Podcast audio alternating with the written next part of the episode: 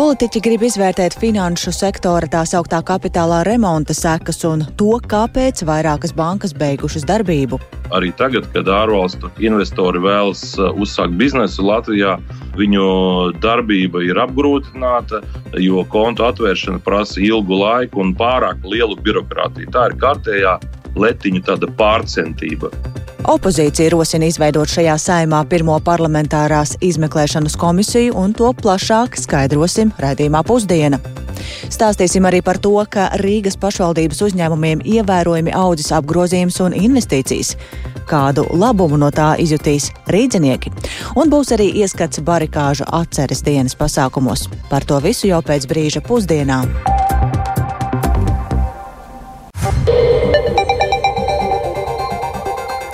5 minūtes pāri 12. laiks ziņu raidījumam pusdienā ar plašāku skaidrojumu par šodien, 20. janvārī notiekošo. Studijā Dācis Semenoviča, labdien!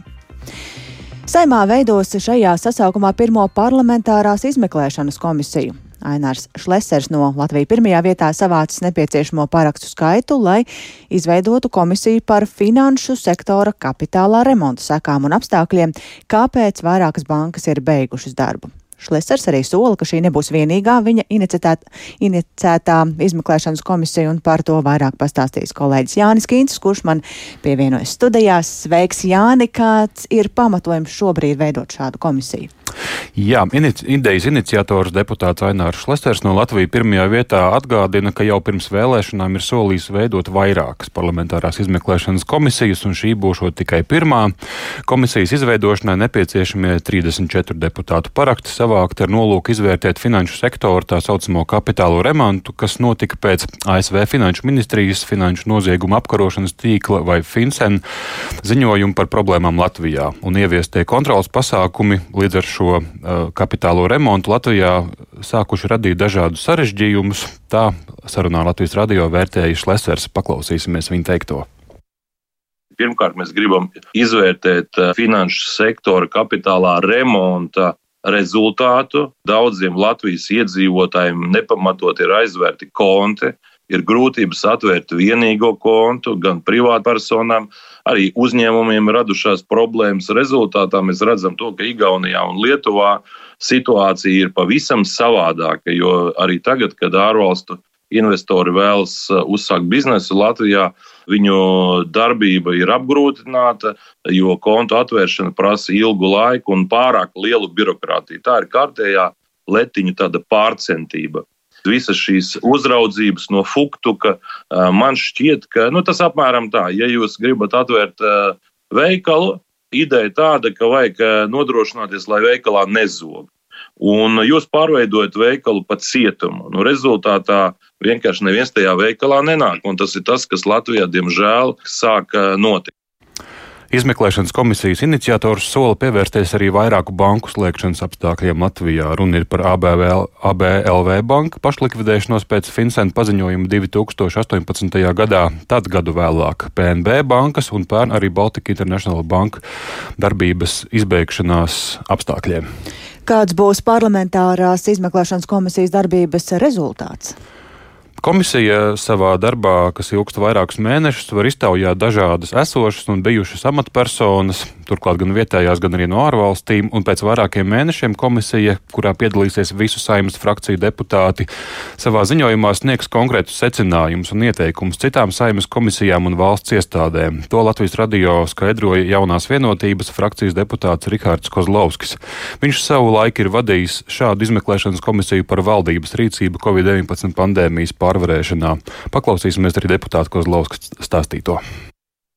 Parlamentārās izmeklēšanas komisijas pilnvaras ir pietiekami plašas. Var aicināt jebkuru amatpersonu, jebkurai iestādē jāsniedz ziņas, pat arī ar ierobežotas pieejamības jautājumiem. Tad ir jautājums, nu, protams, kāda eksperta un konsultants tur ir. Bet, nu, kā es teicu, manā skatījumā, jā, nu, kāds ir mērķis parādīt. Vai tas ir kaut kāda šaura interese, vai tas nu, tiešām ir varbūt vēlme pārliecināties par procesu, bet nu, pašlaik nav man pārliecība, ka tas tiek darīts tiešām, lai ļoti objektīvi izvērtētu finanšu sistēmas kapitāla remontu, kā viņi tā, tā sauc. Mērķis jau beigās arī saskaņā ar likumu ir darbības beigšanām nosūtīt secinājumus, ieteikumus atbildīgajām gan komisijām, gan institūcijām.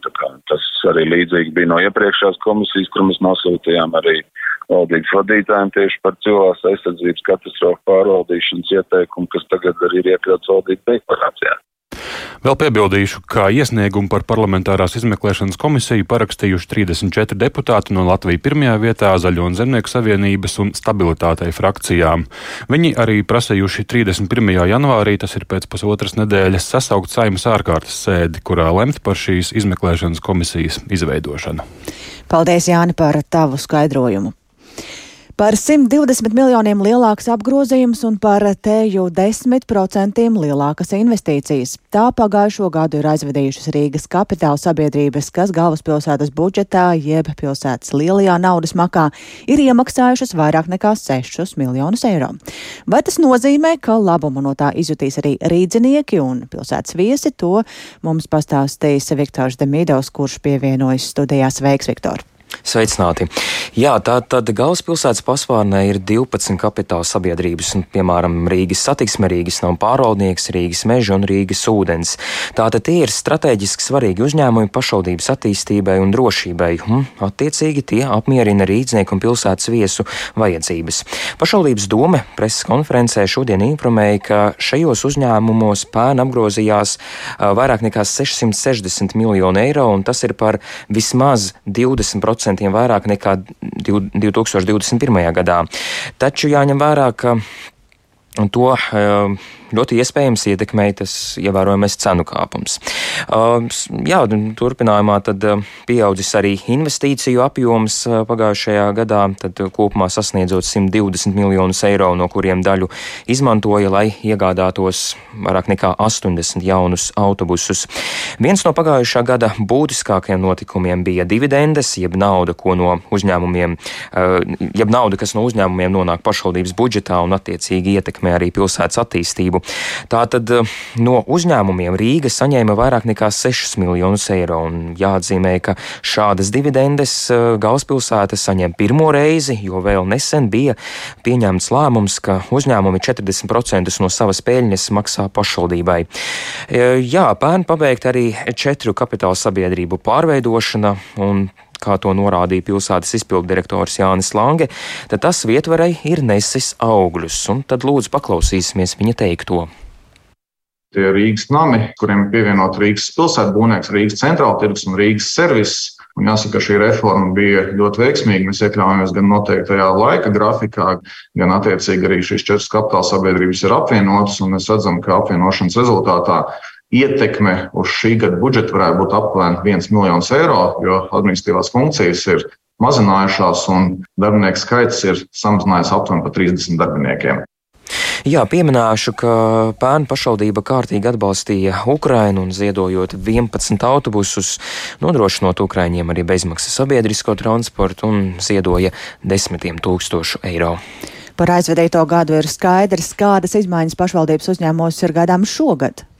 Jā, viens no būtiskākajiem plāniem ir turpināt atlasīt uzņēmumu valdes un padomes, un, piemēram, Rīgas namu pārvaldniekā pagaidu valdes loceklē šogad beigšoties līguma termiņš.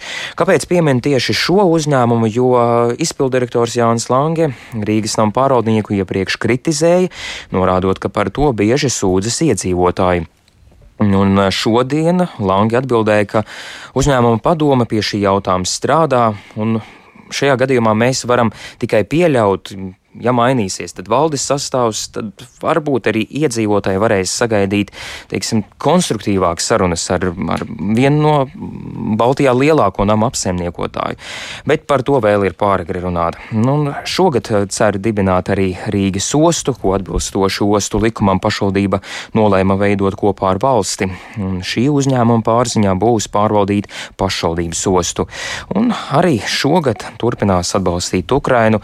Nu, tad, tad, tad tie ir daži no šī gada plāniem. Paldies, Viktor, par šo tematu kopsavilkums arī raidījumā pēcpusdiena.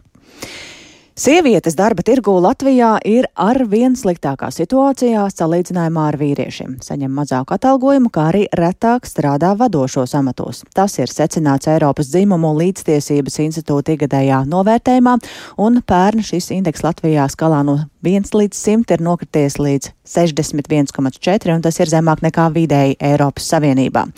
Sīkāk to šodien analizē Latvijas Brīvo arotbiedrību savienības rīkotā dzimumu līdztiesības fórumā, kam seko līdzi arī kolēģi Zane Eniņa, kura man pievienojas studijā. Sveika, Zane, kādi galvenie secinājumi? Jā, vispirms jāprecizē, ka dzimuma līdztiesības indeks aplūko ne tikai sieviešu un vīriešu līdztiesību darba attiecībās, bet tādā plašākā kontekstā. Un to, kā šis indeks veidojas, jau rīt programmā Labrīt ieskicēja Latvijas Brīvo arotbiedrību savienības eksperte Linda Romele. Paklausīsimies, ko viņa teica. Dzimuma līdztiesības indeks ir instruments, kurš monitorē progresu dzimuma līdztiesības jomā. Un viņš sastāv no tādām sešām kategorijām - darbs, nauda, zināšanas, laiks un nodarbinātība. Jā, eksperti nenosauc vēl vienu indeksu komponenti, un tā ir vara. Un ar to Latvijā ir problēmas, jo pie mums ir maz sieviešu vadošos amatos, un kā izskanēja formā, tad sevišķi maz sievietes ir pārstāvētas vietvaru līmenī. Dace? Pandēmija ietekmēja vardarbības ģimenē gadījumu pieaugumu, kur visbiežāk no vardarbības cieta sievietes. Par to liecina saņemto zvanu skaits uz krīzes tālruņiem, nevalstisko organizāciju sniegtā informācija, kā arī tas, ka no vardarbības cietušo sociālās rehabilitācijas pakalpojumu saņēmušo skaits ir tikai pieaudzis. Jā, tā, ko mēs tikko dzirdējām, tā bija labklājības ministre Evika Siliņa no vienotības. Un, um, viņa izteicās par to, ka arī um, vardarbība ģimenē ir aspekts, kas uh, būtiski ietekmē dzimumu līdztiesību. Un, uh, tas ir arī viens no tiem iemesliem, kāpēc ir pasliktinājusies dzimumu līdztiesības situācija Latvijā pēdējos uh, divos gados, kopš uh, 2020. gada. Taču jāpaskaidro, ka uh, tas nav noticis tā tikai pie mums, bet arī mm, Francijā, Rumānijā un arī Igaunijā, tepat kaimiņos. Jo, daļai tas saistāms ar to, ka cilvēki dzīvoja karantīnā, ciešākā saskarē, bija spiest palikt mājās, apvienot mājas dzīvi ar darba dzīvi, un tas arī nu, pasliktināja uh, sieviešu stāvokli, jo sievietes galvenokārt cieta vardarbībā. Bet uh, tieši nodarbinātības kontekstā vēl redzams tāds zināms paradoks. Latvijā ir divreiz vairāk sieviešu ar augstāko izglītību nekā vīriešu, bet par spīti tam atalgojuma līmenis strādājošām sievietēm ir zemāks nekā vīriešiem.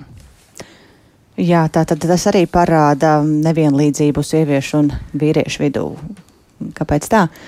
Nu, izrādās, ka No vienas puses, sabiedrība saprot, ka sabiedrības ka dzimuma līdztiesība būtu laba lieta un vēlama, bet tajā pat laikā socioloģiskajās aptaujās atklājas, ka sabiedrībā ir ļoti dziļi iesakņojušies stereotipi par to, kas jādara vīriešiem, kas jādara sievietēm. Un, uh, liela daļa respondentu joprojām piekrīt tādiem apgalvojumiem, ka sievietei ir galvenā loma mājas dzīvē un ģimenē, ka vadošie amati ir piemērotāki vīriešiem, sievietēm nav loģiskās domāšanas, vīrieši ir ambiciozāki un tā tālāk. Paldies Zanai Eniņai par um, šo ieskatu un apkopojums arī plašāk raidījumā pēcpusdienam.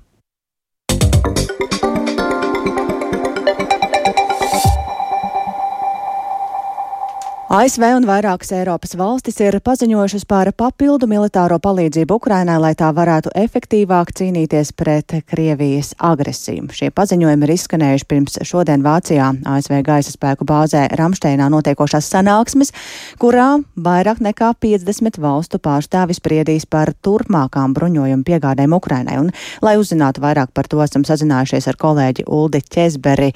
Sveiks, Uldi! Vispirms kādu militāro palīdzību Rietumvalstis valstis sniegs Ukrainai? Jā, ASV ir paziņojusi par bruņojuma piegādēm Ukrainai 2,5 miljārdu dolāru apmērā, un šajā paketē būs iekļautas 59 kainieku kaujas mašīnas Bradley un 90 bruņu transportieri Striker. Ukrainai nosūtīs arī jaunu kravu ar augstas precizitātes šāviņiem, ko izmanto reaktīvās artilērijas iekārtas Haimars un pretgaisa aizsardzības sistēmas Nasams. Savukārt 11 Eiropas valstis ir paziņojušas par vairāku simtu miljonu eiro vērtu papildu militāro palīdzību Ukrainai. Piemēram, Lielbritānija nosūtīs 600 augstas precizitātes raķetes Brimstone, bet Dānija piešķirs visas 19 savā bruņojumā esošās franču pašgājēju haubices Cēzara. Šodien Ramšteinā notiekošajā sanāksmē viens no centrālajiem jautājumiem būs tanku iespējamā piegāde Ukrainai. Rietumvalstu amatpersonas saka, ka karš Ukrainai Ukrainā iet izšķirošā fāzē, tāpēc Ukrainai ir nepieciešami modernāki un jaudīgāki ieroči. Um, un arī rietumvalstu militārie eksperti norāda, ka tankiem var būt izšķiroša nozīme uh, cīņā pret Krievijas agresiju, un tāpēc paklausīsimies atvaļinātā Kanādas armijas ģenerāļa Rika Hiljēra teikto. Ukrainas armijas bruņojumā esošie padomju ražojuma tanki un kaujas mašīnas nav piemēroti uzbrukuma operācijām, lai atgūtu okupētās teritorijas, sakautu krievus un padzītu viņus no Ukrainas. Rietumvalstīs ražotie tanki Leopard 2, Abrams un Challenger 2 kopā ar kaujas bruņumašīnām ļautu Ukraiņiem sasniegt šo mērķi. Šie tanki ir labi aizsargāti, to pārvietošanās spējas ir satriecoši labas, to uguns jauda ir vienreizēja, un to spējas izdzīvot un nogalināt pretiniekus frontē ir izcilas. Leopard 2 ir labākie no visiem, tāpēc Ukrainai tie ir nepieciešami, lai uzvarētu šajā karā. Jā, un eksperta pieminēto Leopard tanku ražotāju valsts Vācijas valdība pagaidām nav atļāvusi piegādāt tankus Ukrainai. Ir arī izskanējusi informācija, ka Berlīne tankus varētu piegādāt tikai tādā gadījumā, ja arī ASV piegādātu savus tankus. Taču Vācijas aizsardzības ministrs Boris Pistorijus, kuru iecēla tikai šonadēļ, ir paziņojis, ka viņam par šādiem nosacījumiem nekas nav zināms un viņš arī uzskata, ka tanku Leopardu iespējamā piešķiršana Ukrainai nebūtu jāsasaista ar amerikāņu tanku piegādēm. Dace. Paldies, Uldi, tik tālu par bruņojumu piegādēm Ukrainai. Bet pašmājās Daugavā pie Jēkabpils ir mitējies ūdens līmeņa kritums. Kopš kulminācijas pagājušajā sestdienā ūdens līmenis Daugavā ir pazeminājies par vairāk nekā 3,5 metriem, un tā kā pēdējās dienās ir daudz līs un kūsis sniegs, ūdens līmenis tur atkal varētu celties, taču tas neradīs plūdu draudus. Pie zeļķiem ūdens līmenis arī šobrīd noslīdējis līdz zemākajai atzīmē kopš mēneša sākuma, savukārt pie pļaviņām saglabājas nelielas svārstības. Un tieši pļaviņās vērienīgi plūdi pēdējo reizi reizi bija pirms desmit gadiem. Toreiz tur tikko bija uzbūvēts jauns aizsargdambis, kas pilsētu pasargā arī šobrīd. Pašvaldībai nav bažu, ka par dambja nest spēju, taču tādas ir iedzīvotājiem un plašāk par to Sintīs Ambotas reportāžā. Par dienu nezinu, cik reizes eju skatos. Vai ūdens neceļās? Mm. Nu, Vistrākāk ir par nakti, kad ir tumšs un nekā nevar saprast, un ir tāda neziņa. Pļaviņu pilsētā jaunajā krasta ielā nelielas mājas pagalmā rosās kāds pāris. Mājas saimniece turpat veroties uz ledus sastrēgumu Daugavā stāsta, ka viņai ir trauksmes sajūta, jo iedzīvotāji seko un jūt līdzi arī plūdu attīstībai Jēkapilī. Šeit pirms desmit gadiem māja bija ūdenī, tad ģimene te vēl nedzīvoja pastāvīgi, bet tagad tās ir vienīgās mājas. Mēs jau te kā ceturtais gads, tad pirms tam nu, atbrauca pašvaldības policija un veica aptauju cik cilvēki vai vajadzēs evakuēties, vai dzīvnieki un tā tālāk. Šogad tas nav. Un tas arī tādu neziņu, jo mums divas reizes eh, tika atslēgta elektrība pēkšņi. Un mēs zinām, ka sākas plūdi, tad atslēdz elektrību, un tāda panika, bet izrādās, es nezinu, kāpēc tas tur ir. Bet jūs arī nakšņojat, ja šeit, nu šī ir tāda mēs te dzīvojam, mēs esam ļoti daudz ieguldījuši remontā. Un, un pašlaik reiz malku vācam nos, lai nesāk peldēt prom. Un tagad arī vistas par tām ir vislielākais uztraukums. Šī ir mūzikas skolas pareizes. Tad ir vienkārši tur krēsls samest. Un... Daugavas krastā ir arī pļaviņu mūzikas skola. Šobrīd darbinieki visas mēbeles un instrumentus jau sanesuši otrajā stāvā. Savukārt vienā no pirmā stāva tukšajām klasēm uz sienas ap pusotra metra augstumā uzzīmēta līnija un pierakstīts datums 2013. gada 19. aprīlis. Tā ir ūdens līmeņa atzīme ēkas telpās tolaik. Pie mūzikas skolas satiktā skolotājas Armītas stāsta, ka arī šobrīd satraucas par plūdu riskiem. Pavasarī, nu tas ir savādāk. Jā. Tu zini, ka tie plūdi atnāks un viņi aizies, un spīd saulīte un viss tā. Bet tagad jau tu nevari zināt. Klavieris ir augšā, krēsli viss ir sacelts augšā. Savukārt Tatjana strādā blakus esošajā sākuma skolas vecuma bērnu rotaļu un attīstības centrā, un arī pati iepriekš pieredzējusi plūdus, kas radīja lielus postījumus iestādē. Katru brīdi skatāmies, ejam uz Daugavas krastu, skatāmies, vērojam un sazvanamies. Arī ar bērniem pārunājām, kā mēs rīkosimies tajā situācijā. Bet tad tas, ka jums ir aizsargdambis un ir tā betona maliņa, tomēr jūs nejūtaties tā, ka jūs esat pilnīgi pasargāti. Noteikti nē. nē. Vietām Daugavā atsadzies arī upes ūdens, bet vižņu krāvums ir nekustīgs. Šeit gan ūdens līmenis nav pietuvojies aizsargdambja malai un pagaidām ir stabils. Pļaviņās salīdzinot ar Jēkabili, aizsargdambis ir jauns. Tas eksploatācijā nodos 2013. gadā, jau pirms tā gada lielajiem plūdiem. Aizkrauklas novada pļaviņu apvienības pārvaldes vadītājs Andris Ambainis skaidro, ka pļaviņās gan nesot dambja pārrāvuma risks, bet ūdens līmenim krietni paceļoties, tas var līt pāri dambim, kā tas bija pirms desmit gadiem. Būtībā tas dambis ir pašlaik izbūvēts tādā augstumā, kas lielākoties vairums gadus mūs pasargā. Mums tā dambja konstrukcija nav tik stāva kā jēkapilī. Grūti jau pateikt, kas jēkapilī bija tajā dambī, no kā viņš ir veidots. Jo mums jau dambim ir savbērtas pa kārtām blietētas akmens radzes ar, ar maisījumu, tomēr mums apdraudējums krietni mazāks. Ir. Bet ir mums dažas vietas arī, kur var pastāvēt risks, ka tas dambis pārmirks. Pats dambis sākums, un tad, ja mēs pagriežamies atpakaļ, tā ir mūzikas skola. Šobrīd Vietvaras plānos nav kaut kā uzlabot vai mainīt esošo dambi, bet pļaviņām aktuālāk ir krasta erozija. Ambainis turpina, ka 2018. gadā Latvijas vidas geoloģijas un meteoroloģijas centrs izstrādāja projektu par krasta stiprināšanu, bet ministru kabinets to pirms diviem gadiem noraidījis līdzekļu trūkuma dēļ. Bet eh, bija piebilde, kad tos līdzekļus paredzēt no 21. un 27. gada. Mēs šogad tūlīt sūtīsim vēstuli par informācijas pieprasījumu, kādā stāvoklī ir šis projekts un vai tiks paredzēti līdzekļi no Eiropas fondiem krasta stiprināšanai. Jo būtībā mums, ja ņemam lielā krasta ielu, vēl nedaudz un tiks slēgta satiksme. Šobrīd aizkrauklas novada pašvaldība diennakts režīmā uzrauga situāciju, un policija arī naktī apsako teritorijas pļaviņās pie Daugavas. Sinti Ambote, Latvijas radio.